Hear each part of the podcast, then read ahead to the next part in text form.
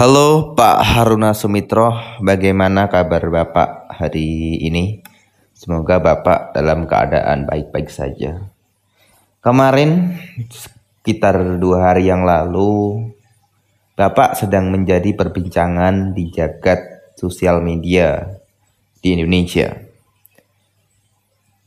Itu karena statement Bapak di salah satu media saat ada di podcast yang menyebutkan beberapa statement yang dianggap oleh netizen Indonesia itu sangat kontroversial. Dan apa yang Bapak katakan itu menyakiti hati para pecinta sepak bola di Indonesia. Sebagai pejabat dalam PSSI, sudah semestinya Bapak harus memberikan statement terkait apa pun yang berbau dengan persepak bolaan di Indonesia. Tapi Bapak juga harus tahu terhadap konsekuensi yang harus diambil ketika statement itu dikeluarkan. Euforia Piala AFF 2020 belum lama usai, belum genap satu bulan. Masyarakat Indonesia sedang berbunga-bunga melihat performa dari tim nasional Indonesia yang sedang menanjak. Apalagi timnas juga didominasi oleh para pemain muda yang punya segudang potensi.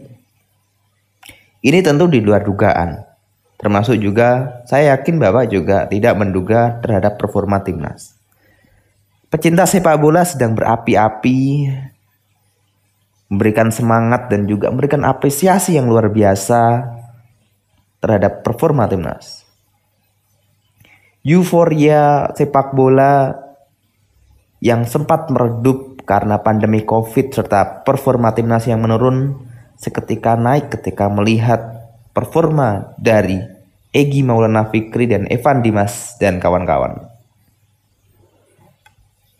Namun kejadian kemarin sontak menggegerkan karena Bapak membuat statement seperti itu. Saya sangat apresiasi sebenarnya terhadap apa yang Bapak Bapak berani keluar di media sebagai orang dari pejabat dari PSSI itu. Uh, selang dua hari, Bapak kembali muncul di salah satu forum space Twitter di Pandit Football Indonesia. Saya sangat senang Bapak bisa muncul di permukaan kembali untuk semacam memberikan klarifikasi terhadap apa yang telah dikemukakan di media. Karena itu menjadi hal yang penting Bapak. Saya sangat senang Bapak bisa muncul di media. Mungkin uh, ini juga salah satu perbedaan dengan kasus-kasus sebelumnya bahwa pejabat PSSI, orang-orang ada di PSSI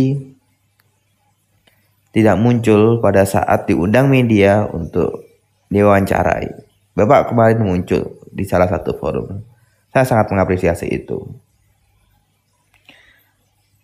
Tentu kehadiran Bapak sebagai anggota XU PSSI sangat diharapkan bisa membawa perubahan sepak bola Indonesia ke arah yang lebih baik. Namun perlu diketahui sepak bola adalah